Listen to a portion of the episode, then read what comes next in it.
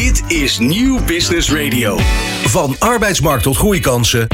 Van bedrijfscultuur tot innovatie. De Ondernemer. Live. Elke dinsdag van 11 tot 1. Live op Nieuw Business Radio. Met Remy Gieling en Jonathan van Noord. Ja, welkom bij uur 2 van De Ondernemer Live. Uur 3 moet ik eigenlijk zeggen vandaag van De Ondernemer Live. Waarin we het hebben over de arbeidsmarkt. Dat doen we onder andere met onze expert van dienst, Alex Groeneveld, directeur staffing bij Randstad Nederland. Welkom, nog Dank steeds. je, dank je. Leuk dat je er nog steeds bent. Ook eh, weer eh, wederom aangeschoven Jonathan van Noord. Ik ben er weer, ja. ja we gaan het eh, wederom hebben over eh, de uitdagingen in de arbeidsmarkt. Waaronder ook in de horeca. Maar daarover later. Ja, precies. Dit eh, uur hebben we het inderdaad ook voor de horeca. Ronald Tameling komt voorbij. Ja, heel veel om over te spreken. We gaan dus snel weer door. Van arbeidsmarkt tot groeikansen. Van bedrijfscultuur tot innovatie. De Ondernemer. Live. Elke dinsdag van 11 tot 1. Live op Nieuw Business Radio. Ja, Alex, die, ehm, die arbeidsmarkt is inderdaad snel in verandering. En het, eh, ehm, een, een aantal dingetjes die je daarin opvallen, is natuurlijk inderdaad de, de, ehm, de- ook de, de, de, de opleiding van jonge mensen en de keuzes die ze daarin moeten maken. Je zei eerder al in de uitzending dat mensen die waarschijnlijk vandaag uit de schoolbanken rollen, dat die ja, eh, misschien wel vier keer in hun carrière van baan moeten wisselen. Dat vraagt natuurlijk ook veel van jongeren. Enerzijds in de keuzes die ze maken, in welke scholing ze wel of niet moeten doen. Maar ook ja, in, in, in, de, in, in het verwachting van wat, wat werk ze gaat brengen. Wat zijn jouw ideeën daarover? Ja, nou ja, eh, om, om te beginnen, eh, het besef dat je dus eigenlijk je hele leven eh, zal moeten leren en, en ontwikkelen.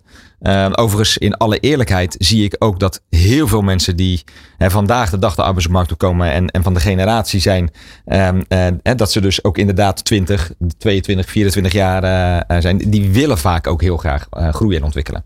En dus het is niet zozeer dat dat er niet in zit of dat die, die wil niet in zit, maar het besef dat je dat zal moeten doen, wil je tot het eind van je carrière ook daadwerkelijk toegevoegde waarde blijven houden op die arbeidsmarkt. Dat is essentieel. Ehm, maar dat betekent hetzelfde natuurlijk voor ondernemers en voor werkgevers. Want dat betekent ook dat je die kansen eh, zal moeten bieden. En dat je ook zal moeten nadenken over hoe houd ik ja, mijn eh, eh, werkpopulatie, hoe houd ik die ook up-to-date en zorg ik dat ze mee kunnen blijven gaan. Maar wat zou je advies zijn aan, aan jongeren als je zegt, ja, ik, ik sta nu voor de keuze om een opleiding te gaan doen. Ik wil wel iets kiezen wat een beetje zinvol is. Ja, waar moet je dan, wat, wat, wat, wat, wat zou je dan, Nou ja, waar, zou je in moeten gaan? Waar- wat zou je moeten kiezen? En wat vooral niet? De tip hebben wij natuurlijk in de pressrelease die net al even kort voorbij kwam eh, in dat filmpje eh, al gezegd. Hè, als, je, als je slim bent, werk je met je handen. Dat is er natuurlijk sowieso. En als je, als je relevant wil zijn op de arbeidsmarkt vandaag de dag, dan zit het eh, eh, zeker eh, erin dat op het moment dat je kijkt naar eh, praktische eh, vakken, eh, waarin echt de menselijke maat zeg maar, centraal staat, ehm, ja, daar zit toekomst in en voor langere tijd. Ehm, tegelijkertijd, ik heb zelf eh, kinderen die eh, op het punt staan om de arbeidsmarkt te gaan, of juist in, in studiekeuzefase zitten, ja, is het ook gewoon verdomd lastig als jij 16 bent of 15 of 14 om al keuzes te maken. Dus het eh, vraagt ook wel vooral van je dat je ja, lenig bent en open staat in je hoofd om ook nieuwe dingen te leren. Ja, dus, menige, eh, menige technologiekenner zegt hier natuurlijk ook over dat je misschien niet zo eens zozeer je moet, eh, moet, moet ja, een opleiding moet zien als het vak wat je aan het leren bent. Hè, van marketeer tot, eh, eh, eh, tot, tot, tot mensen die eh, bedrijfskunde aan het, eh, aan, het, eh, aan, het, aan het leren zijn in de schoolbanken. Maar dat het veel meer gaat over de vaardigheden van de toekomst. Dat het gaat over kritisch denken, eh, eh, samenwerken, empathie, creativiteit. Ja. Hè, je, je, je, je, je, de unieke elementen van jou als persoon in je werk naar voren kunnen laten komen. Onderschrijf je die, die gedachte? Ja, volledig. Waarbij, kijk, ik, ik denk creativiteit op zekere hoogte misschien zelfs wat te automatiseren zou kunnen zijn. Want ik kan me voorstellen dat er heel veel creatieve oplossingen zijn. Oplossingen die in één sector al bekend en gewoon goed zijn, juist toe gaan passen in een andere. En op die manier zou je misschien iets met technologie kunnen. Maar het juist in veranderende omstandigheden kunnen blijven toepassen. eh, eh, en echt met nieuwe dingen komen. dat, is er sowieso één. Eh, interpersoonlijk contact, weet je, dat, dat, is natuurlijk iets wat, wat, wat van belang is. Als je kijkt naar het vak wat wij hebben, is eigenlijk natuurlijk matchen op de arbeidsmarkt. Daar kan je natuurlijk ook al door algoritmes best, wel een aantal dingen laten doen. Ehm, maar tegelijkertijd is de eh, slogan die wij intern daar dan voor gebruiken. Ja, bij Randstad werk je met je hart. En dat is net even weer wat anders ehm, eh, dan alleen maar een algoritme eh, een aantal competenties bij elkaar laten zoeken. Als we nu weer toch eventjes teruggaan in die teletijdmachine. We gaan nou, pak een beetje 30 jaar terug in de tijd. eh, 35. En jij stond weer voor de keuze om een opleiding te gaan doen. Wat zou je dan kiezen? Nou, ik zou je eerlijk zeggen, ik, van nu. Heb die keuze een aantal keer gemaakt. En, en- en dat, dat betekent dus dat ik een aantal keer verkeerd gekozen heb. Dus op het laatst had ik een soort van tijdgebrek. En toen ben ik beland in commerciële economie. Ehm, eh, inmiddels weet ik wat beter waar mijn kwaliteiten liggen. Dus ik, ik denk dat ik per definitie iets gezocht zou hebben. eh, waarin ik eh, ehm, eh, in dienstverlening terecht zou komen. Niet omdat jij hier zit overigens. Maar ik kan me zomaar voorstellen dat de horeca eh, eh, eh, iets zou zijn waar ik mijn, eh, mijn, ja, mijn skills zeg maar in, eh, in zou kunnen ontwikkelen. Ehm, maar in ieder geval zo'n soort opleiding. Ik ben zelf niet zo technisch. Ehm, ik vind het wel heel leuk. Eh, ik experimenteer daar soms in thuis met eh, vrienden van me eh, erbij die wel technisch zijn. En die grijpen dan 9 van de 10 keer in. Dus ja, dat is, ik denk dat dat wat minder voor me weggelegd is. Maar ehm, eh, ja, de- de, de andere, hè, dus creativiteit, ehm, eh, dienstverlenend, eh, sociaal contact, hè, daar zitten mijn, eh, mijn kwaliteiten. Jonathan? Nou ja, als ik daarop mag, mag aanvullen, als het dan gaat over, over skills en, eh, eh, en, en de banen eh, van de toekomst. Ik heb zelf ooit eens een keer gekeken van het leek het mij wel interessant om misschien één dag in de week naast de journalistiek bijvoorbeeld voor de klas te gaan staan. En dan viel het mij op hoe totaal niet flexibel zo'n school dan is. Want ik had een eh, pedagogische achtergrond moeten hebben. ik heb geen Nederlands gestudeerd, terwijl je toch hoopt dat je... eh, Met enige vaardigheid Ja. taal inmiddels hebt eh, De- aan, eh, aangeleerd. Precies, dat, je die eh, vaardigheden wil hebben. En, en dat viel me eigenlijk best wel tegen. En dan was ik zo van gedesillusioneerd dat ik daar eigenlijk nooit meer naar heb gekeken. Dus dat is eigenlijk mijn eerste vraag. Van, van, vanuit de politiek en de instituties moet daar niet veel meer flexibiliteit komen. Zodat die banen ook vervuld kunnen worden. En de tweede is eigenlijk ook wel. Stel, ik zal me nu willen omscholen. Dan wil ik niet twee jaar lang voor een verkapt stagesalaris eh, me laten omscholen tot, eh, tot monteur bijvoorbeeld. In hoeverre zijn bedrijven daar dan flexibel in? dat ze zeggen van ja, eh, je kan inderdaad tegen je oude salaris van kantoor naar de, eh, ja, het dak Ja. op, letterlijk. Ja, nou, eh, bij je eerste vraag te beginnen, dat, die, die is eigenlijk de meest complexe meteen. Hè? Want, want onderwijs zit aan regels vast. Eh, en eh, ondanks feit dat dat soms als heel inflexibel voelt, zijn ze vaak wel logisch. Wat je wel vandaag de dag veel vaker ziet dan een jaar of tien geleden, is dat mensen uit het beroepenveld worden gevraagd om gastcolleges te geven, gastlessen te geven. En, en die ruimte is er wel. Alleen dat natuurlijk nog steeds wel wat anders dan daadwerkelijk omscholen. Ehm, eh, als ik daarnaar kijk, dan, dan, dan gaat het natuurlijk vooral om dat je, precies wat jij aangeeft, op het moment dat je uit het ene vak komt en je wil naar het andere toe, dan ben je op dat moment al wel verzekerd van inkomen. Dat is hoe je je leven hebt georganiseerd. En dan ja, heb je niet de ruimte om terug te gaan naar ofwel een stageinkomen of gewoon een voltijdopleiding zonder inkomen. Precies, je hebt eh, een gezin, eh, een hypotheek, Ja. een labrador, je weet het allemaal niet. Ja. Nou, wat daar, wat, wat daar eh, in ieder geval de oplossingen die wij met een aantal opdrachtgevers eh, daarin eh, eh, bouwen, eh, is wat wij dan noemen, dat is misschien wat jargon, maar voorschakeltrajecten doen. Ehm, dat betekent dat wij eh, aan de voorkant mensen in een aantal maanden tijd een, een, een- de, de, eh, Hanny van het SBB had het daar net over, deelcertificaat laten halen, zodat ze al meteen productief inzetbaar zijn binnen een organisatie. Eh, eh, en dan zal je wel degelijk die mensen ook daad- daadwerkelijk een goed salaris moeten kunnen bieden. Maar ze zijn al productief, dat scheelt. Dus op het moment dat je ervoor zorgt dat mensen snel productief kunnen zijn, ja, dan heb je als ondernemer ook, nou, even lullig gezegd, terugverdien effect. Eh, ja, en, en uiteindelijk zou je als ondernemer zou je daar ook wel ja, wat ruimhartiger in moeten zijn dan dat je misschien anders eh, zou doen. Wil je ook toekomstig personeel kunnen binnenhalen. Maar dat, dat vraagt dan ten eerste denk ik om vertrouwen. Dat je eh, iemand die switch laat maken. Ja. En kan je dat dan ook nog contractueel vastleggen? Dat je zegt van oké, jij switch, eh, switcht nu van kantoor naar monteur. Maar Ja. dan blijf je wel twee jaar in dienst. Hoe, hoe moet ik dat zien? Nou, ja, dat zou ik trouwens niet op die manier doen, want dat schrikt juist eigenlijk mensen af. Ehm, eh, kijk, het het voorbeeld wat ik net schetste over voorschakeltraject, dat is bij uitstek een periode waarin juist iemand kan ontdekken of dat hij ook daadwerkelijk die, die, die baankeuze, die, die switch eh, kan en wil maken. Dus door daar een, in een periode van vier maanden ehm, ja, iemand te laten ruiken aan het vak en een aantal basisprincipes eh, mee te geven, zodat hij productief kan starten, eh, heb je meteen ook de check gedaan van oké, is dit iemand die blijft? Eh, en natuurlijk eh, kan je met opleidingsovereenkomsten werken en daar allerlei afspraken maken over wat te doen met, eh, met de opleidingskosten. Eh, dat is in mijn beleving, in, in, zeker in de wat grotere schaarste beroepen, ook geen enkel probleem. Want de werkgever waar iemand naar overgaat, zal absoluut bereid zijn om daar ook in te investeren. Ehm, eh, maar ik zou niet zozeer als een soort van ja, dreiging voor de kandidaat daar allerlei penalties aan hangen. Of dat je het eventueel moet terugbetalen als je na een jaar uh, ja, de kiezen pakt. Nee, dat is het één. Ik denk dat het sowieso niet in dit tijdbeeld past. Hè. Dat was misschien 40 jaar geleden nog wel dan op de arbeidsmarkt. Maar ja, momenteel vind je dan echt het eh, talent niet meer.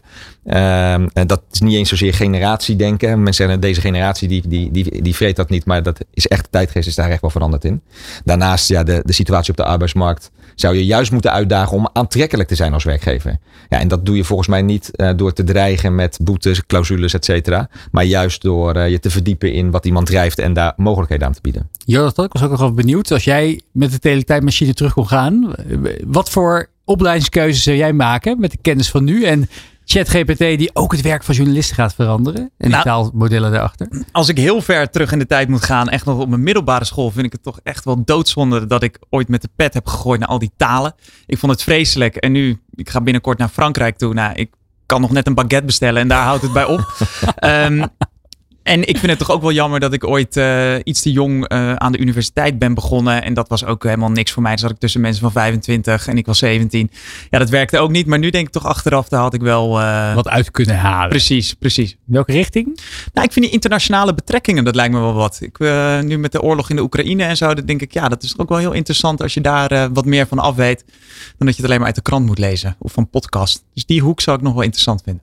Dit is De Ondernemer live op Nieuw Business Radio. Ja, zo dadelijk gaan we het hebben over de horeca. Enerzijds de krapte daar, maar ook eh, alle kansen en mogelijkheden die eh, de sector biedt voor ondernemers. Maar we schakelen eerst naar de redactievloer van De Ondernemer. Want waar is de redactie in Hoofddorp druk mee? Nou, daarover praten we met Tijmen de Groen, redactiecoördinator bij De Ondernemer. Tijmen, wat is jullie nieuws van de dag? Dag Remy, goedemiddag. Nou, wij zijn eigenlijk met eh, precies hetzelfde bezig als, als waar jullie druk mee bezig zijn, namelijk de, de krapte op de arbeidsmarkt. En hoe ga je daar dan goed mee om? Dat is dan toch ook, eh, ook onze rol en onze plek. Het, eh, het best gelezen artikel eh, op dit moment gaat juist heel erg over hoe vind je nieuwe mensen, of vooral hoe moeilijk is het om nieuwe mensen te vinden en hoe zorg je daar dan een, dat je een goede oplossing daarvoor, eh, daarvoor vindt. Daar is onderzoek naar gedaan. En wat blijkt nou, meer dan 80% van de, van de bedrijven heeft moeite om aan, eh, aan nieuw personeel te komen. Dat zal eh, niemand verbazen, zeker na de, na de uitzending waar jullie al, al druk in zitten. Maar meer dan 43% van de werkgevers heeft ook heel veel moeite om dat personeel vast te houden. Dat is precies ook wat, wat Alex net vertelt natuurlijk. Ehm, en dat komt voor een heel groot gedeelte omdat die bedrijven wel zien dat de, de vraag verandert. Maar, en dat hun producten veranderen en technologisch doorontwikkelen. Maar dat de HR-professionals eigenlijk te weinig idee hebben over hoe ze dan de trainingen, opleidingen, doorontwikkelingsmogelijkheden van hun, eh, hun medewerkers goed kunnen aanpassen. Slechts 18% van de HR-professionals weet hoe ze dat eh, goed moeten omzetten. Nou, de paar bedrijven die daar dan enorm goed in zijn, daarvan was eh, Bas van der Veld ook al bij jullie te gast, die, die komen aan het woord en die vertellen hoe zij dat toepassen en hoe zij daarin ruimte bieden. Wat, eh, jij spreekt natuurlijk in je werk als, eh, als journalist bij de ondernemer en redactiecoördinator ook veel met ondernemers.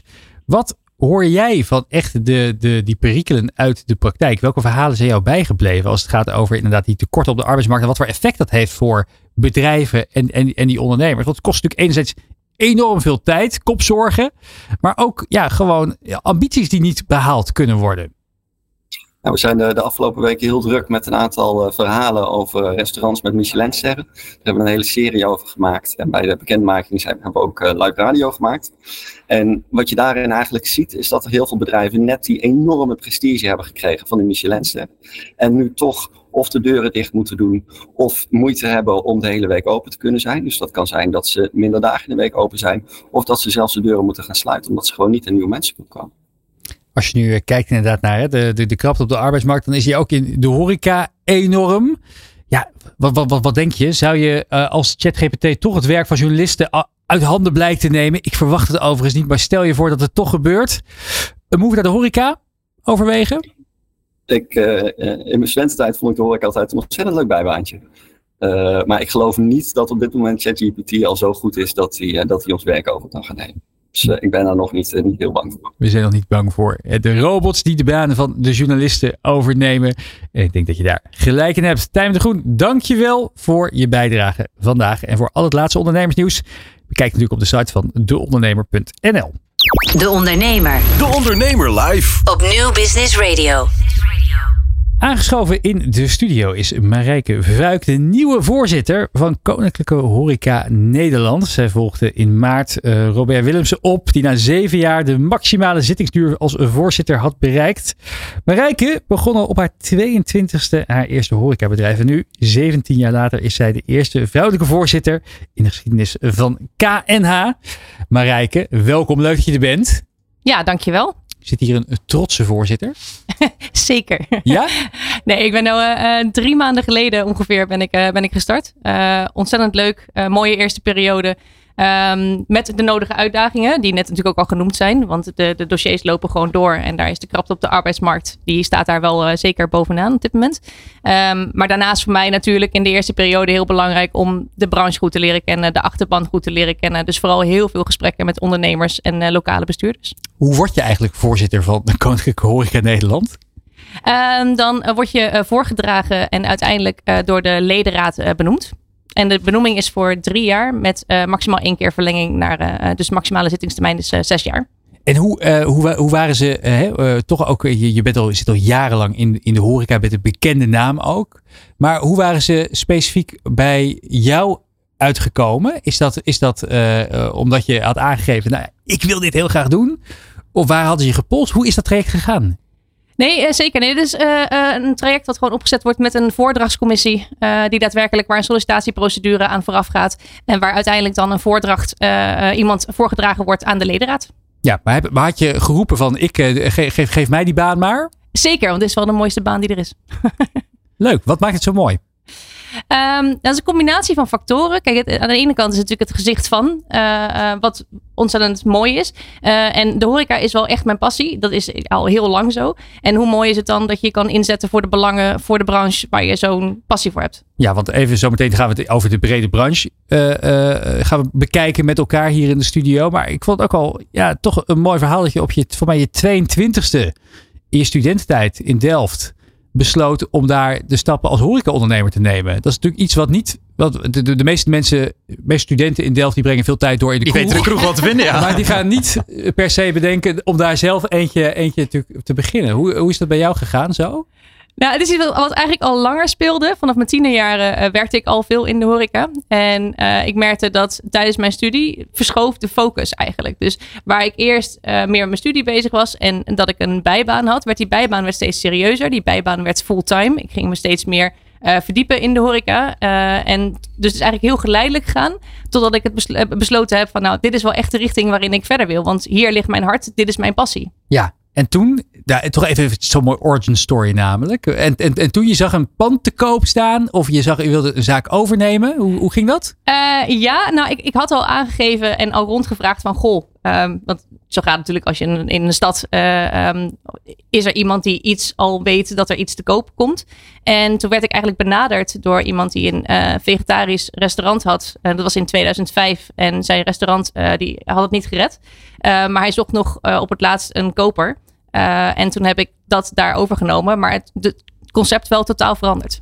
En Marijke, hoe anders was die tijd toen? Ik kan me voorstellen dat in 2005 een vegetarisch restaurant, je zegt het, die hield het niet vol. Dat is nu wel... Dat is nu eh, heel anders, Dat is ja. nu heel anders. Maar beschrijf eens even de tijd toen jij in, eh, instapte.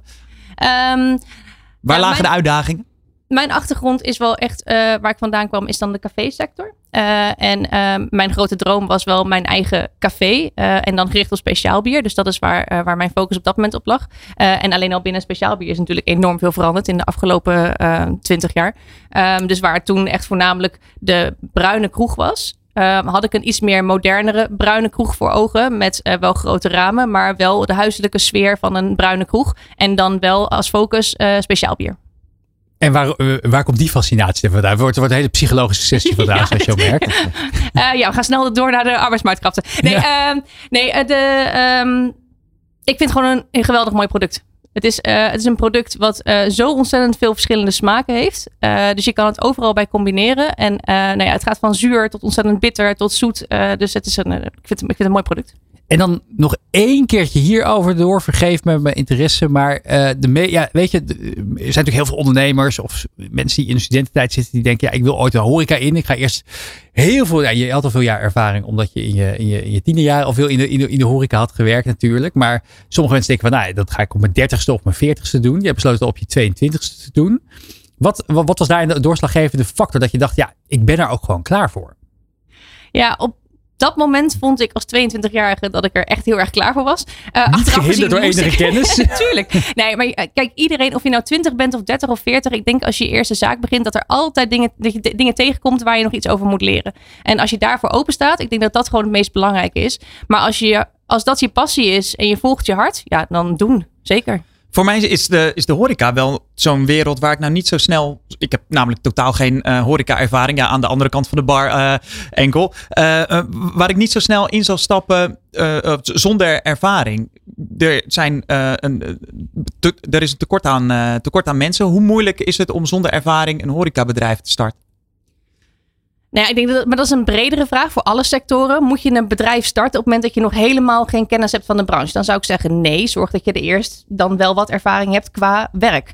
Um, maar je kan natuurlijk wel als zij instromer gewoon in de horeca gaan werken. En vind je het interessant, ja, dan kan je daar natuurlijk ontzettend veel ervaring op doen binnen de horeca. En de horeca is ontzettend breed. Er zijn ontzettend veel verschillende sectoren binnen de horeca. Dus genoeg mogelijkheden. Ja, het heeft natuurlijk voor heel veel mensen een onwijs romantisch beeld. Zo'n zo'n bruin café met een paar stamgasten. Ik zie dat ook wel, uh, ik zie dat ook wel helemaal voor me, ja.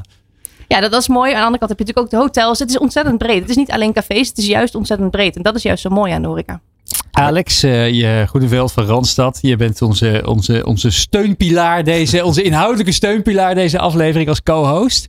Ja, we gaan natuurlijk dit blok hebben over de horeca. Heb jij horeca ervaring in je studententijd? Heb je, uh, heb je ergens uh, glazen gewassen, nee. broodjes nee. rondgebracht? Nee, nee, Flitsbezorgers bestonden toen nog niet. Nee, dat bestond zeker nog niet. Nee, maar nee, ik heb wel ervaring achter de bar en, en, en dan wel in de bedienende kant zeg maar, van, van de bar. Maar dat is bij sportkantines en anders niet.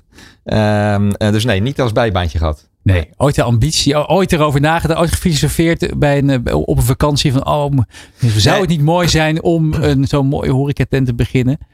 Um, nee, niet vroeger. Uh, want je vroeg net aan mij van als je nu een andere keuze zou maken, dan zou ik me daar wel van alles bij, uh, bij voor kunnen stellen. En, en ja, ik had eigenlijk had ik een vraag aan, uh, aan Marijke, als, als dat goed is. Wat ik merk, en dat is ook ingegeven natuurlijk vanuit wat wij in de horeca doen, is dat er heel veel mensen het beeld hebben van leuke bijbaan. Ja, dat is ook hetgene wat net voorbij kwam bij uh, de collega die, uh, die inbelde van, uh, van jullie. Ik heb hem hier net opgeschreven. Dat twee keer het woord bijbaantje zelfs. Ja, dat is natuurlijk het is doodzonde. En, ja, en jij zonde. bent iemand die, die een carrière maakt binnen de horeca. Wat zou je daarin bij willen stellen in dat beeld? Ja, en dat is ook precies de reden. Want de nieuwe arbeidsmarktcampagne die nu gelanceerd is, die heeft niet voor niets als slogan verrassend veelzijdig. Want het is zoveel meer dan een bijbaan. En tuurlijk is het voor, voor, nou, voor een grote groep mensen is het ook een hele leuke bijbaan. Laat dat niet vergeten, want het is ontzettend mooi beroep. Um, maar het is zoveel meer dan dat. En het geeft, er zijn zoveel ontwikkelingsmogelijkheden voor een langere carrière. En dat is wel de reden waarom we nu verrassend veelzijdig wel als slogan gekozen hebben. We hebben ook in deze uitzending uh, mooie horecaondernemers te gast gehad. Uh, Ron Blauw, Herman Hel. Uh, we kunnen er zo nog een, nog een aantal opnoemen. En die zeggen ook allemaal, ja, wat mij zo wat, wat ons zo, ja, nou niet frustreert, maar wel verbaast over Nederland, de horeca in Nederland. Dat inderdaad het vak van werknemer in, of medewerker in de horeca, dat dat zo ja, bijna een beetje, dat er bijna zo een beetje denigrerend naar wordt gekeken. Terwijl als je in het buitenland bent, dan is het vak van gastheer of gastvrouw, die echt zo'n zaak kan maken, met de sfeer die je neerzet, de formule, dat dat echt iets is om, uh, waar mensen ook tot, tot, tot ver, ver in hun carrière, of in hun, zelfs een hele carrière, heel veel plezier uit kunnen halen. Is het ook iets wat, wat, wat, wat, wat, wat, wat jou met al je ervaring onderschrijft? Ja, het is, het is een baan om gewoon trots op te zijn. Dat is denk ik wel heel erg belangrijk. En dat is ook aan ons om dat uit te stralen. Uh, en want het werd nu ook net wel genoemd, het, het ultieme doel is niet per se een eigen zaak. Voor een aantal mensen is dat een eigen zaak, maar voor andere mensen kan het weer iets heel anders zijn. Um, het is, uh, uh, maar vooral belangrijk om wel uit te dragen dat het echt een vak is. Het is niet zomaar iets wat je erbij doet. Het is echt een vak. Het is natuurlijk ook niet voor iedereen weggelegd. Wat, wat zijn echt de typische horeca-kwaliteiten? Wanneer moet je je vooral wel melden in de horeca en wanneer misschien niet? Ehm, nou, ik denk dat het belangrijkste is dat je het contact met mensen leuk vindt. Dat is iets, kijk, dat is iets waar ik zelf heel veel energie van krijg. Uh, het, kijk, de hele horeca draait natuurlijk om gasvrijheid. Het draait om het uh, geven van een bepaalde uh, beleving. Want of het nou een hotel is of een restaurant of een café, dat is wel echt een gemeenschappelijke deler. Het draait om, om het bieden van gastvrijheid. En daar hoort een bepaalde contact met mensen, is daar zeker heel belangrijk in.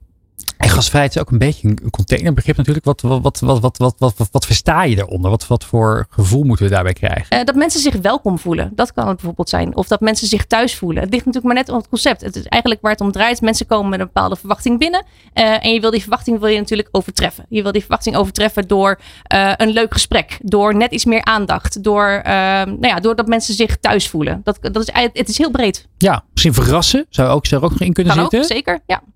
Maar zijn het nou net niet de dingen die, uh, waar, ik nu gelijk aan denk, juist komen te vervallen? Als er dus een personeelstekort is. Hè? Uh, tegenwoordig komt er in heel veel tenten komt er niemand meer naar je toe. Maar moet je een QR-code uh, scannen.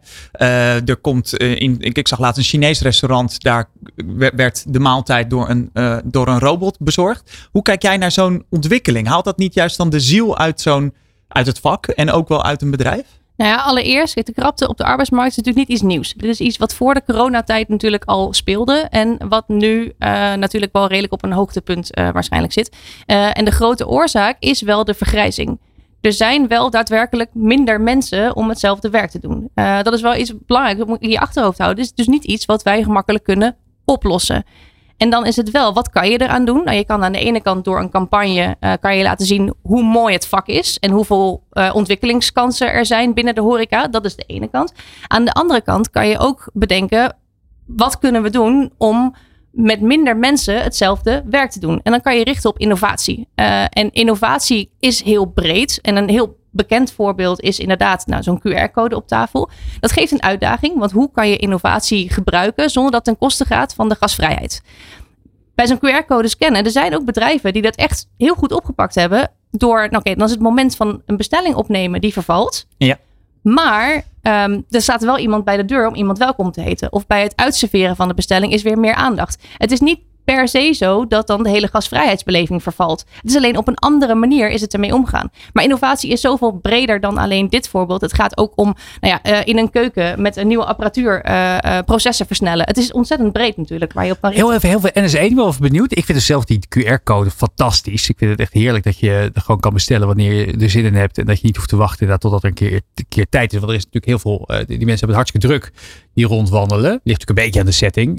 ik, ga, ik ga niet in een sterren de QR-code scannen. Maar je begrijpt in de gemiddelde horeca dat ik vind ik dat prima. Hoe kijken jullie hiernaar? Nou ja, precies als het gaat op een druk terras en je wil dat ijskoude biertje voor je hebben, vind ik dat helemaal prima. Maar bij echt de, de maaltijd zelf of het uitkiezen van een wijn, dan vind ik dat alweer veel minder leuk. Dan wil ik ook juist even uh, sparren met, uh, met de maître of met, uh, met, met de ober. Om, ja, gewoon even dat verhaal erachter. Van de, wat, wat, wat raad jij me aan? Niet, niet dat ik het standaard biertje ziet staan. Maar nee, wat, wat is nou speciaal bij jullie? Dat vind ik er heel leuk aan. Alex? Dus het, zit, het zit erin, in, naar welke beleving ben je op dat moment op zoek? Ik denk dat dat een beetje de kern is. Hè? Dus als je met, uh, met een groep vrienden op het terrasland uh, lekker in het zonnetje gaat zitten, dan weet je eigenlijk al dat je een biertje wil gaan drinken. En misschien een speciaal biertje, maar dan kan je jezelf al redelijk wat keus maken.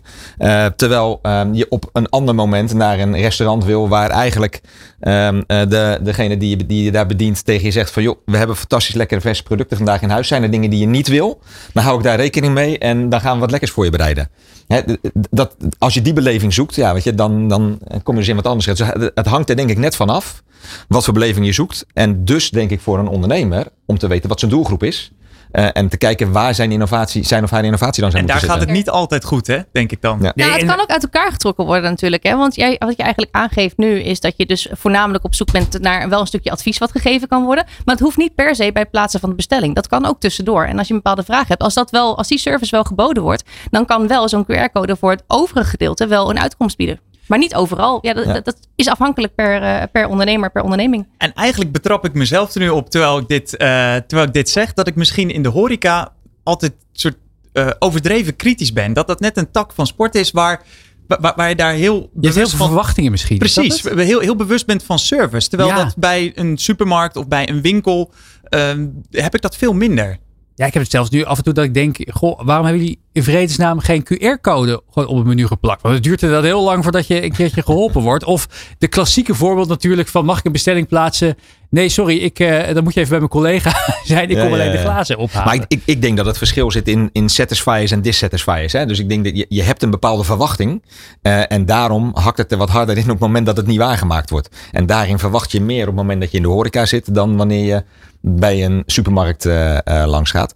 Ik denk overigens dat daar juist ook heel veel kracht in zou kunnen zitten. als je het hebt over het vinden van personeel. Want mensen gaan over het algemeen naar de verschillende horecagelegenheden toe. Of dat nou een theater is, bij wijze van spreken, eh, of een café of een eh, restaurant. Omdat ze eh, het, naar de zin willen hebben. Een, een leuk avondje, middagje uit zijn. Wat is er nou mooier om als je aan het werk bent, in zo'n setting, daaraan bij te kunnen dragen en daar dus ook deel van te kunnen zijn? Volgens mij zit daar een grote kracht. Interessant, minister van Gennep die riep onlangs bij een van jullie meesterwerk-events op. eh, de horeca, eh, eh, ze riepen op de horeca te kiezen voor, zoals ze dat noemden, of, ze noemden het schaap met de twee of drie poten. De voorbeeld werd genoemd inderdaad de statushouders of mensen met afzet op de arbeidsmarkt die een paar uur zouden willen werken. Ja, is dat iets waar de horeca op zou kunnen letten? Ook, ook met je eigen ervaring natuurlijk als, als ondernemer in de, in, in de horeca. Moeten we er meer gaan kijken naar het schaap met de twee of drie poten? Wat ook een beetje, klinkt ook een beetje, beetje, beetje, beetje zielig bijna. Nou, ik denk dat het Dat eigenlijk positief breder is voor heel veel sectoren op dit moment natuurlijk. Eh, en waar je natuurlijk voorheen vroeger een, een heel eisenpakket neerlegde over bijvoorbeeld een bepaalde opleiding die iemand volgde, zie je nu dat er vaker gewoon gekeken wordt naar de persoon en k- gekeken wordt wat kan iemand wel in plaats van zijn er belemmeringen vanaf de andere kant. En dat zou ik alleen maar toejuichen, zeker. Maar dat is een verandering die je ziet over heel veel sectoren, niet alleen in de horeca. Alex? Nou, dit, absoluut. Eh, eh, Sowieso de, de vergelijking die je maakt over dat dit voor elke sector eh, geldt. En Een, een van de dingen die mij nu te binnen schiet is als je kijkt naar de installatietechniek. Ehm, en daar is het nog steeds nat dan bij de meeste werkgevers. Dat je minder uren werkt of, of de dag niet helemaal vol maakt. Terwijl de werkgevers die daar juist ruimte voor geven op dit moment veel minder last hebben van een krappe arbeidsmarkt. Want dan kan je andere doelgroepen aan, aantrekken. Nou, als ik naar de horeca kijk, dan komt het er vaak op neer van oké, wat verwacht je van mensen in hoeveel diensten ze bijvoorbeeld draaien? Eh, en hoeveel ruimte geef je om eh, op een bepaald moment geen diensten te, te, te hoeven draaien? En dat is een geluid wat wij hier al, eh, al vaker hebben gehoord. Hè? Met de Michelin-chefs bijvoorbeeld. Dat zij vertelden, ja, 60, 80 uur werken. Ja, dat, dat is niet meer van deze tijd. Dat, Daar krijg ik in ieder geval geen, geen aanwas meer, eh, meer mee. Nee, dat is ook logisch. En eh, het, is, het is veel breder dan, dan dat natuurlijk. Want iedere werknemer heeft weer andere wensen. Iedere, dus het is vooral gewoon aan werkgevers ook om het gesprek aan te gaan met een werknemer. Want waar de een juist heel graag in het weekend werkt, zal de ander graag een weekenddag vrij willen. Eh, en inderdaad, vierdaagse werkweken, als het lange dagen zijn, dat zijn eh, eh, opties die steeds vaker voorkomen. Ja. Dat klopt. En Marijke, ik las op de eh, website van het KVK drie tips voor effectief werven in de horeca. En de derde was bied trainingen aan, oftewel scholing. Doen ondernemers dat voldoende? En waar zal je in de horeca nou echt, eh, wat is een, een, een training waar nu nog niet aan gedacht wordt? Ja, ik denk dat gebeurt zeker. Eh, en ja, wat is dan de taak van KN daarin? KN die kan dan voornamelijk gewoon best practices delen. Dat is, eh, en daarnaast ook de KN Academie, waar ook online e-learnings in staan in samenwerking met SVH. Ehm, waardoor het gewoon laagdrempelig is om nou ja, heel divers allerlei modules te volgen. Dus eh, ja, of het nou een, een, een module is of dat iemand daadwerkelijk een grotere opleiding volgt. Ik denk dat daar zeker heel veel in gebeurt. En als je het dan over die best practice hebt, heb je een mooi voorbeeld van hoe iemand doorleert in de horeca? Ehm, nee, maar wat ik wel heb is bijvoorbeeld waar de, eh, als je kijkt naar de, waar de arbeidsmarktcampagne nu op gebaseerd is. Eh, ik vind dat een, een heel mooi concept, want er zijn geen stokfoto's gebruikt. Er zijn gewoon echt daadwerkelijk echte mensen gebruikt die in de horeca werken. Met allemaal succesverhalen. En als je ook op de foto's klikt, en je ziet vast wel op social media voorbij komen. eh, als je op die foto's klikt, dan word je ook doorgelinkt naar een filmpje. Waarbij zij zelf ook vertellen wat hun passie is. Wat ze geleerd hebben. en daar zitten echt hele mooie verhalen zitten daartussen. Als je kijkt naar het feit dat je sinds drie maanden nu de nieuwe voorzitter bent van Koninklijke, Koninklijke Horeca Nederland. Dan kan ik me voorstellen dat personeelsperikelen een van de speerpunten zijn. Wat, wat heb je nog meer voor, voor visie? Wat wil je graag neerzetten de komende, komende jaren onder, onder, jou, onder, jou, eh, onder jouw vaandeldrager van de Nederlandse horeca? Nou ja, we komen natuurlijk echt uit een enorme crisis. Eh, want de coronacrisis heeft de horeca natuurlijk heel hard geraakt. Ehm, en ehm, we gaan nu vooruitzitten in een periode van herstel. En we zijn nog, de crisis is nog zeker niet afgelopen. Want als je heel veel ondernemers die er nog allemaal schulden moeten terugbetalen. Nou ja, de krapte op de arbeidsmarkt komt ook nog gedeeltelijk als restant van de coronacrisis. Ehm, daar komt dan overheen nu dat de marges echt enorm onder druk staan. Uh, want Energieprijzen die stijgen, grondstoffen die uh, inkomen. Ter aanvulling, zeker, zeker. ter aanvulling hier nog op. Gisteren in het nieuws, 1 op de 8 horecabedrijven hebben uh, of heeft problematische schulden. Oh. Ja, nou, en als je dan bij jouw eerdere vraag waar je op terugkwam van hoeveel restaurants inderdaad, of restaurants dan nu daadwerkelijk, uh, of cafés of andere horecazaken, um, meer dichtgaan vanwege de krapte op de arbeidsmarkt. Ik denk dat het een combinatie van is. Uh, want voor heel veel zou ook bijvoorbeeld de margedruk zou ook wel zeker daarin meespelen. Om bijvoorbeeld een keuze te maken dat je Ga, maandag ja. en dinsdag wel dicht gaat. Waar dat voorheen natuurlijk uh, een keuze was die dan niet gemaakt werd. Um, maar ja, wat, wat, wil ik de aankomende jaren? Ja, de aankomende jaren, ik wil, ik, ja, uh, inzetten voor de horeca. Uh, en dat heeft te maken met de dossiers die zijn enorm breed. Maar laten we gewoon vooral gewoon nu focussen op het herstel na de crisis. En zorgen dat we gewoon samen daar sterker uitkomen. Heb je daar ideeën bij? Um, ideeën over de kracht op de arbeidsmarkt. Nou, bijvoorbeeld door zo'n campagne. Dat vind ik dan een heel mooi voorbeeld. Waarbij we dus uh, wel uh, als KN gewoon uh, laten zien hoe mooi het vak is. En hoe verrassend veelzijdig het vak is. Uh, en daarmee hopelijk mensen aansporen om te kiezen voor dit mooie vak. En die andere uitdagingen waar je voor staat? Ja, de margedruk. Ja, de, de margedruk is, is, uh, is een ingewikkelde. Want we hebben natuurlijk te kampen met enorme inflatie. Maar ook dat is niet alleen voor de horeca. Dat merkt natuurlijk iedereen. Um, en dat betekent wel ook dat de prijzen ook gestegen zijn in de horeca. Dat is ook logisch, want ja, de huren zijn omhoog, de inkoop is omhoog, uh, personeel is duurder, alles is natuurlijk duurder. Um, en um, ja, dat is, dat, is, dat is zoeken naar wat kunnen we daar, wat, wat, waar gaan we naartoe, wat kunnen we daarin doen. En dan is het denk ik voornamelijk belangrijk wat ik mooi vind om te zien, is dat als je kijkt naar de coronacrisis en hoe snel dan weer het omzetniveau terug was. Dat geeft ook wel aan hoezeer we gemist werden door de hele uh, maatschappij. Uh, en dat ja, we zijn echt de huiskamer van de samenleving. Dus wat dat betreft uh, positief de toekomst in. Maar het, het, ziet er wel iets anders uit dan een aantal jaar geleden. Zijn er nog dingen die we kunnen leren van het buitenland? Waar, waar, waar, waar excelleren wij misschien in? Of zijn er zaken waarvan je zegt, nou, met die uitdagingen die je spelen, dat hebben ze in bepaalde landen om ons heen op een uh, vernuftige manier opgelost. Want die gaan op een andere manier om met bijvoorbeeld inderdaad de stijgende kosten waar we mee te maken hebben. Of personeelsproblemen. Zie je daar nog een verschil in? Nee, ik denk eigenlijk dat het wel redelijk gelijk is. Um, het enige waar we nog wel iets van kunnen leren, en dan kom ik toch weer terug op jouw allereerste punt. Als je kijkt inderdaad in sommige landen met hoeveel trots het vak uitbeoefend wordt. Dat zou heel mooi zijn als we dat hier ook kunnen bereiken. Hoe probeer je dat eigenlijk te doen bij je eigen zaken? Want je, je hebt volgens mij nog steeds drie horecazaken, toch? Uh, twee de... horecazaken en een winkel, dat klopt. Ja. ja. Hoe, hoe probeer je dat daar aan te jagen? Um, in het algemeen bedoel je? Nou, gewoon bij jezelf. Uh, de, de, de, dus de, de, de, de, trots van die medewerkers bijvoorbeeld. Of het vinden staan daar trotse veertigers bijvoorbeeld in plaats van uh, uh, alleen maar studenten. De Delftse student die, die naast zijn, zijn kroegavond ook nog even wil bijverdienen. Ja, de leeftijdspopulatie op dit moment ja, die, die gaat ongeveer van 20 tot en met 35 bij ons. Dus dat is niet heel breed. Maar dat heeft, ja, dat, dat kan, soms is dat ook wel eens anders geweest. Dat is gewoon toevallig hoe het nu is. Um, ja, mijn hele werk draait erom dat mijn team daar staat met een glimlach. Uh, en ja, hoe je dat doet als, als werkgever. Maar dat, ja, dat, dat is uh, ten eerste het goede voorbeeld geven. Uh, genoeg gesprekken aangaan met je medewerkers. Maar als zij er staan met een glimlach. Ja, dat is wel de basis voor hoe mijn bedrijf natuurlijk draait. Hoe, hoe combineer je die tijd eigenlijk? Want je hebt natuurlijk nu een enorme ja, verantwoordelijkheid erbij gekregen. Ik kan me voorstellen dat je niet s ochtends vroeg tot s avonds laat het, het, het Koninklijke Horeca Nederland elan hoeft te verspreiden. Maar toch wel wat, best wat uren in de week. Hoe combineer je dat met, met het ondernemerschap?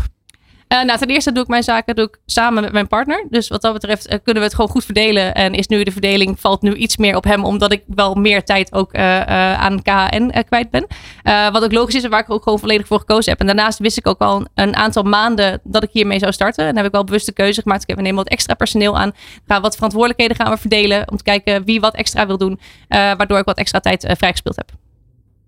Ja, ik, ik heb nog een laatste vraag, misschien Marijk. Jullie staan natuurlijk hè, als koninklijke horeca van de, uh, de kleine bruine kroeg tot aan de grote hotelketen. Uh, hoe moeilijk is het dan om ja, deze uitdagingen soort door dezelfde mal te duwen? Of, of zijn dit uitdagingen die voor, voor alle sectoren binnen die horeca dan gelijk zijn? Ja, dus aan de ene kant is het ook goed luisteren naar je achterban. Want ja, er zitten verschillen. Uh, zeker zoals je ook net benoemt.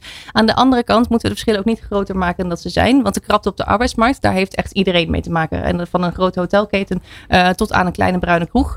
Dat is eigenlijk hetzelfde. Um, en de marges die onder druk staan, dat is ook een bekend probleem waar heel veel mee te maken hebben. Alleen zullen er kleine nuanceverschillen in zitten waar uh, verschillende sectoren dan tegenaan lopen.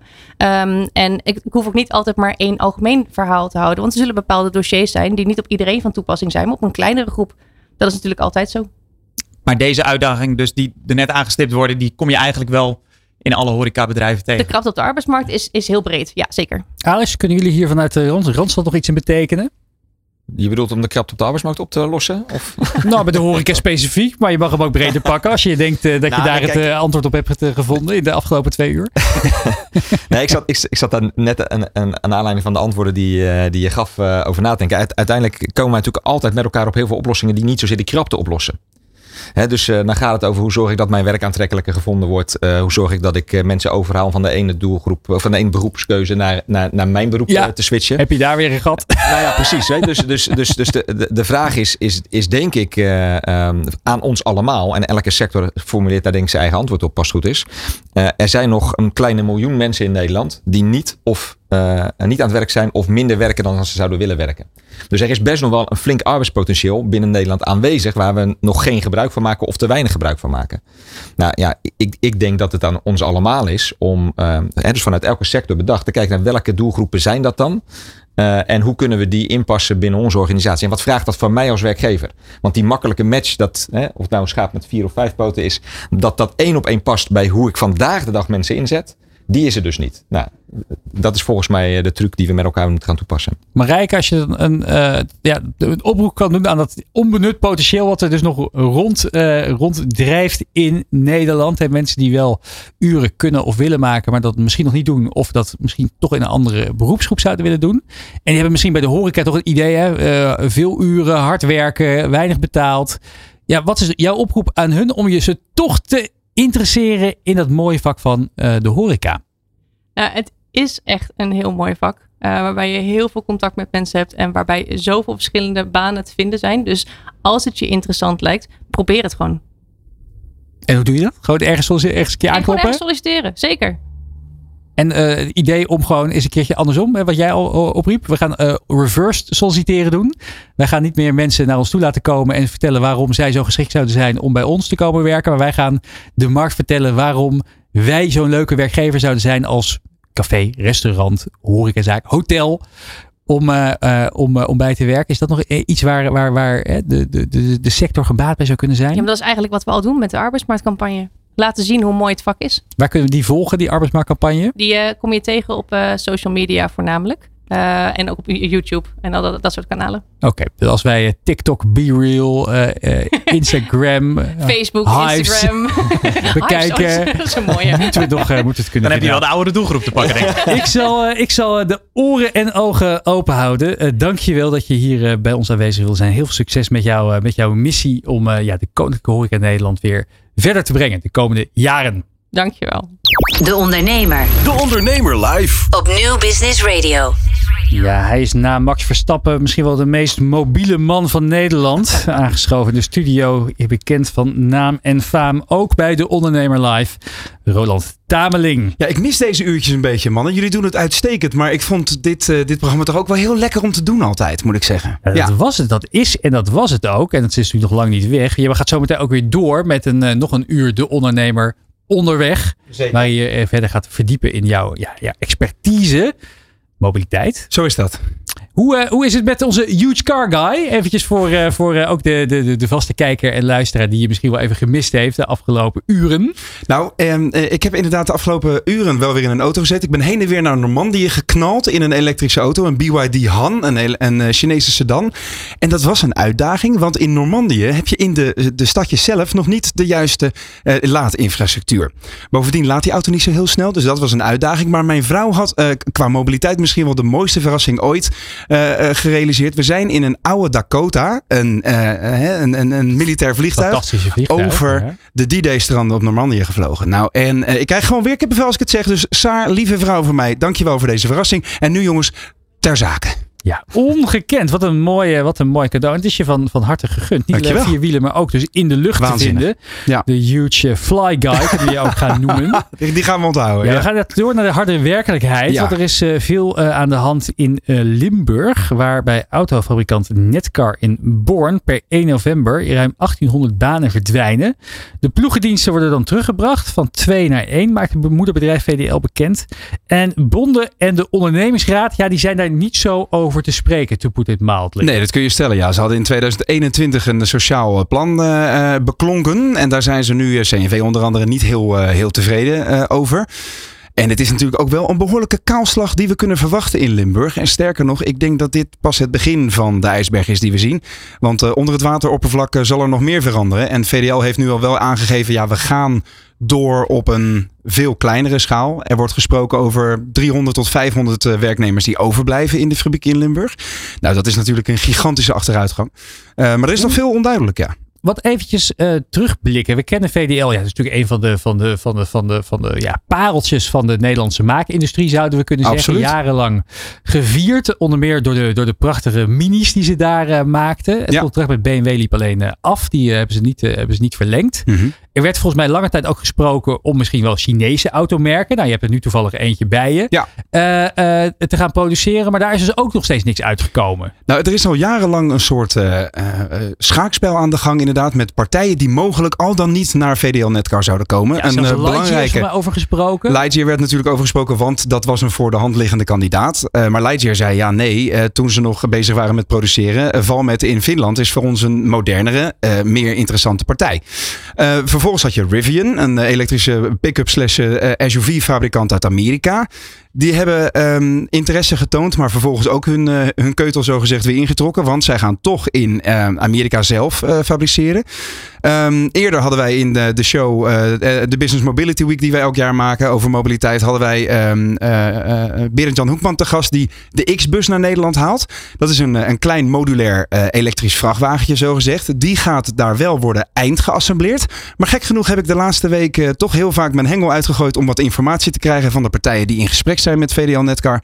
Niets. Eén grote radiostilte. Dus eh, er is veel onzekerheid. Hoe eh, kan dat? Want je ziet ook, je hoort eh, heel veel dat hè, de Chinese automarken zijn in opkomst. Ik zag van, vanochtend op de, mijn route naar het Mediapark vanuit Utrecht een hele mooie grote ruimte van NIO. Is voor Ja. ook weer zo'n Chinese partij. Absoluut. Kijk Ja. even beschuin nog naar jou. Ja, nee, zeker inderdaad, Die daar zijn- zijn- zijn zijn vleugels uitslaat. Een van de meer veelbelovende pa- partijen. Lucid zit hier natuurlijk ook weer. ook weer Ja, dat is Amerikaans de inderdaad. Maar de, de, de, de- er komen enorm veel, enorm veel partijen deze kant op. En eh, zo'n Build Your Dreams bijvoorbeeld is gewoon eh, de grootste batterijfabrikant slash elektrische voertuigfabrikant van de wereld natuurlijk. Hè?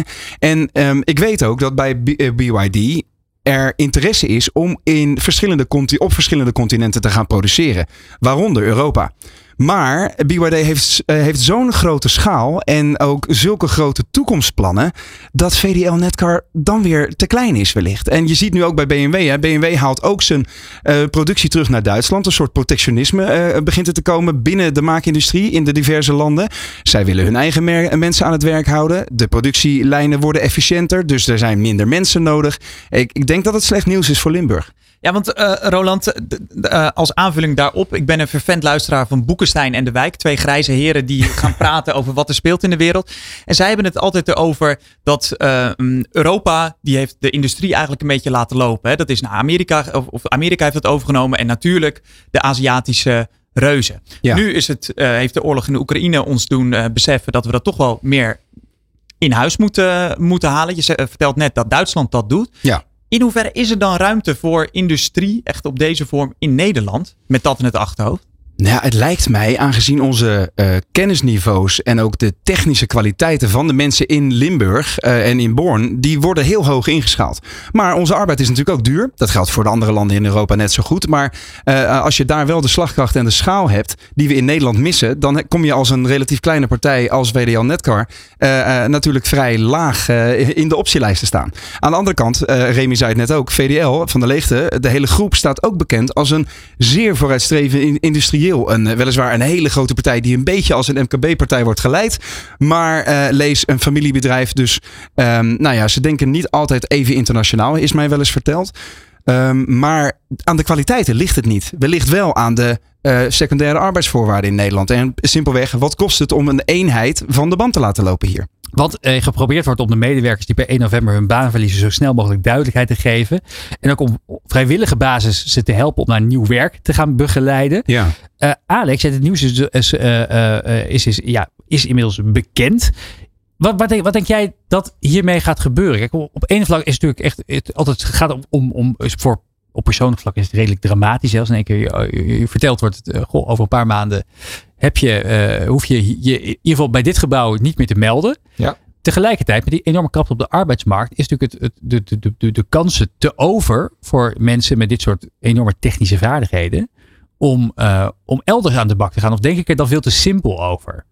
Nou ja, kijk, om te beginnen, ehm, eh, ik denk dat als je naar de mensen kijkt en waar die bij gebaat zijn, even vanuit menselijk oogpunt, denk ik dat het er vooral om draait dat, dat, dat je zou willen zorgen, los van het feit dat wij dat met elkaar niet kunnen, maar zou willen zorgen dat er duidelijkheid komt voor de mensen. Want we weten met z'n allen natuurlijk al heel lang dat er iets aankomt. Ja, Ehm, eh, en dat is dan voor ons. Maar eh, als je het hebt over het, het is redelijk dramatisch op het moment dat je je baan verliest. Onzekerheid maakt dat eigenlijk nog het meest lastig voor mensen om daarmee te dealen. Maar ook om vanuit een onzekere situatie keuzes te maken naar de toekomst toe. Dus ik denk als je het hebt over hoe kunnen we nou mobiliteit creëren voor de mensen bij VDL Netcard die daar zonder werk zullen komen te zitten. Is duidelijkheid over wat de toekomst gaat brengen. Ook al is dat heel negatief in eerste instantie. Dat maakt in ieder geval dat iemand klaar is om ook zich te verdiepen in andere kansen. En de onzekerheid over, is er hier nog een kans voor mij, is eigenlijk daar lullig gezegd een belemmering in. Nou ja, en, en hoe zie je dan in datzelfde licht de stakingen die nu aan de gang zijn? Vandaag ook weer. Hè? Ze, ze leggen het werk neer. Soms een wilde staking tussendoor. Ehm, dat maakt de toekomst eh, eh, vooruitzichten niet heel veel rooskleuriger, toch? Ehm, nee, maar ik moet eerlijk zeggen dat ik dan net iets te weinig weet van wat er daar eh, aan de tafel, zeg maar, aan de handelingstafel en dergelijke Dat weet besproken niemand op dit moment ook inderdaad. om, daar een, echt een mening over te kunnen geven. Maar, maar het is natuurlijk eh, absoluut zo dat als je het gaat om dit- slagkracht van je organisatie, dat het niet helpt wanneer er eh ja, dit Kijk, er is nu een enorme kennisleegloop hierbij. Want ik kan, kan me goed voorstellen dat mensen die zometeen een baan elders hebben gevonden. Dat als er weer toch een partij meldt om bij VDL weer nieuwe auto's te gaan maken. Dat die niet denken van nou leuk, ik eh, switch weer eventjes terug eh, naar die partij die, we, die, me, die me onlangs niet, wilde, niet wilde behouden. Mhm. Is dit nou een nagel in die doodskist van de Nederlandse auto-industrie, Roland? Want recentelijk hebben we ook al gezien bij Lightyear. Heel veel mensen eruit. Ja, eigenlijk blijft er toch helemaal niks meer over. Ik hoorde een expert op L1 afgelopen weekend zeggen: dit zou zomaar eens het einde kunnen betekenen van de massale autoproductie in Nederland. En wees eerlijk, dat hebben we eind jaren 90 rondom de Mitsubishi en Volvo eh, scheiding in, eh, in eh, Netcar ook al gehoord. Je weet maar nooit wat voor partij erop staat en wat voor voorwaarden er bijvoorbeeld in Born kunnen worden gerealiseerd. Maar ik kan me voorstellen dat er een betere toekomst zit in de fabriek eh, al daar om, eh, ja, om, om zich op nieuwe technologie te gaan richten. Hè. Zorg dat je vooruitstrevend wordt op eh, accuceltechnologie. Of zorg dat je een onmisbare partij wordt om op een extreem efficiënte manier elektrische aandrijflijnen te, te produceren. Ja, ik denk dat daar ook voor de Nederlandse maakindustrie en, en de, de intelligentie die we hebben met z'n allen, dat we misschien wel verder zijn dan het assembleren van auto's. Alex? Nou ja, ik, ik zit na te denken over wat je zegt. Dus ik- Het slaat nergens op, hè? Nee, ja, nee, nee. nee, maar het is eigenlijk wel interessant. Want ik, ik, ik weet dat als je gaat kijken naar vrachtwagenindustrie, we daar heel veel in doen in Nederland. Hè, met twee enorme fabrieken. Ja. Dus wat, wat, ja, wat mij eigenlijk wel interesseert is, waarom lukt het niet in de personenwagens, maar wel in de, in de En de vrachtwagens? bussen van Ebusco niet te vergeten. Die dus ook hele mooie producten Zeker. weten te maken. Mijn antwoord is daarop, ook als ik naar China kijk. Ik ben de laatste tijd eh, vrij veel in, in China geweest. Ik ga over een paar weken daar weer heen. Ehm, je ziet dat daar de schaal van de fabrieken zo kolossaal is. En dan heb je het over 60.000 mensen binnen één eh, ontwikkelingsafdeling. Ja, met alle respect. eh, dan zijn eh 1500 mensen die hun baan verliezen in Netcar echt een druppel op een, op een hè, weliswaar pijnlijke gloeiende plaat. Ehm, dus de, de schaal die wij hier in Nederland kunnen bieden is gewoon onvoldoende om die wereldmarkt te kunnen bedienen. En dus zul je of blijven pruttelen, met alle respect, met relatief kleine partijen zoals een Rivian of een, ehm, nou ja, een, een, een Microlino die uit Zwitserland een, een heel klein eh, stadsautootje maken. Die zouden hier prima in elkaar kunnen worden gezet. Maar je gaat denk ik nooit meer die schaal pakken waar, waar ze eigenlijk van dromen. Kijken die Chinezen ook niet een beetje meewaardig naar, de, naar die nou ja, niet altijd even hoge arbeidsethos in Nederland? En we houden natuurlijk toch wel van een hele gezonde work-life balance hier. Terwijl waar in China is bekend dat er menig bedrijven de 966 filosofie aanhouden. Of eh, 699. Zes dagen in de week eh, van 9 uur s ochtends tot 9 uur s avonds eh, moet je gewoon paraat staan met misschien een weekje vakantie eh, tussendoor. Is dat misschien ook een reden waarom, waar- waarvan dit soort partijen denken van nou, we, we, we, sla- we slaan eh, de Nederlandse fabrieken met de dito arbeidsethos even over? Het is onherroepelijk een onderdeel van die slagkracht waar ze, eh, waar ze op zitten te wachten. Hè? De, de, de Chinezen inderdaad, maar ook de Koreanen bijvoorbeeld en de Japanners ook in zekere zin. Die hebben een, een, eh, een, een toewijding aan hun werk. Wat wij hier langzaam maar zeker, is mijn even op persoonlijke titel dan mijn gevoel, langzaam maar zeker aan het afleren zijn. En voor de maakindustrie is dat natuurlijk helemaal slecht nieuws. Dat is wat mij betreft overigens niet per se een gegeven hoor. Ik, ik denk dat, dat je als ondernemer eh, eh, heel veel invloed hebt op de betrokkenheid van de mensen bij het product wat ze aan het maken zijn, bij eh, de bedrijfsvoering, eh et cetera. Dus je kan daar heel veel in doen. Het is niet zo dat massaal in Nederland mensen minder gemotiveerd of minder betrokken zijn. En je ziet daar gewoon verschillen in. Ja. Ik denk dat het wel zo is dat wij natuurlijk te maken hebben sowieso in de maatschappij met veel kritischer publiek. En dat geldt als ze naar de horeca gaan waar we het net over hadden. Maar dat geldt natuurlijk ook wanneer je aan het werk bent. Dus je zal daar wel over na moeten denken. Tegelijkertijd denk ik, als ik het voorbeeld hoor net over, eh, eh, over eh, China, arbeids, arbeidsproductiviteit en dergelijke. Ja. Die slag gaan we niet winnen. Nee. Onze kracht zou ergens anders moeten zitten, denk ik. En dat, dat is het laatste wat ik nog over VDL Netcar wil- zeggen. Wat zo mooi is daar, is dat er daadwerkelijk drie generaties automakers zijn geweest. Opa, vader en zoon op dit moment. Dus het zou mooi zijn als het behouden blijft. We gaan meemaken wat de toekomst ons gaat brengen. We kunnen hopen eh, eh, en eh, we hebben er helaas weinig invloed op. Maar dank Roland voor jouw toelichting hier Graag vandaag. Zometeen ga jij door met de ondernemer onderweg. Nog een uur over ja, mobiliteit voor het MKB. Alex, we willen jou hartstikke bedanken. Twee uur heb je ons bijgestaan met raad en daad over die arbeidsmarkt. En ik denk dat we daar heel veel van hebben opgestoken. We hebben geleerd over ja, de rol van automatisering, AI. Maar natuurlijk ook over waarom we met allen iets meer technisch geschoolde, praktisch opgeleide mensen nodig hebben. En dat dat heel moeilijk te automatiseren is. Dus dank voor je kennis vandaag. Heel graag gedaan. Jonathan, volgende week zijn wij weer terug. Ja, zeker weten. Waar we het dan over gaan, gaan hebben, is mij nog even een, eh, even een raadsel. Dat houden we voor de kijker en luisteraar. Misschien moet ik me in die week maar moeten omscholen. Hè? Dat, eh, dat weet je. We weten nooit waar het heen gaat. Dank voor het kijken en luisteren. En heel graag tot volgende week. Van arbeidsmarkt tot groeikansen. Van bedrijfscultuur tot innovatie. De Ondernemer. Live. Elke dinsdag van 11 tot 1. Live op Nieuw Business Radio.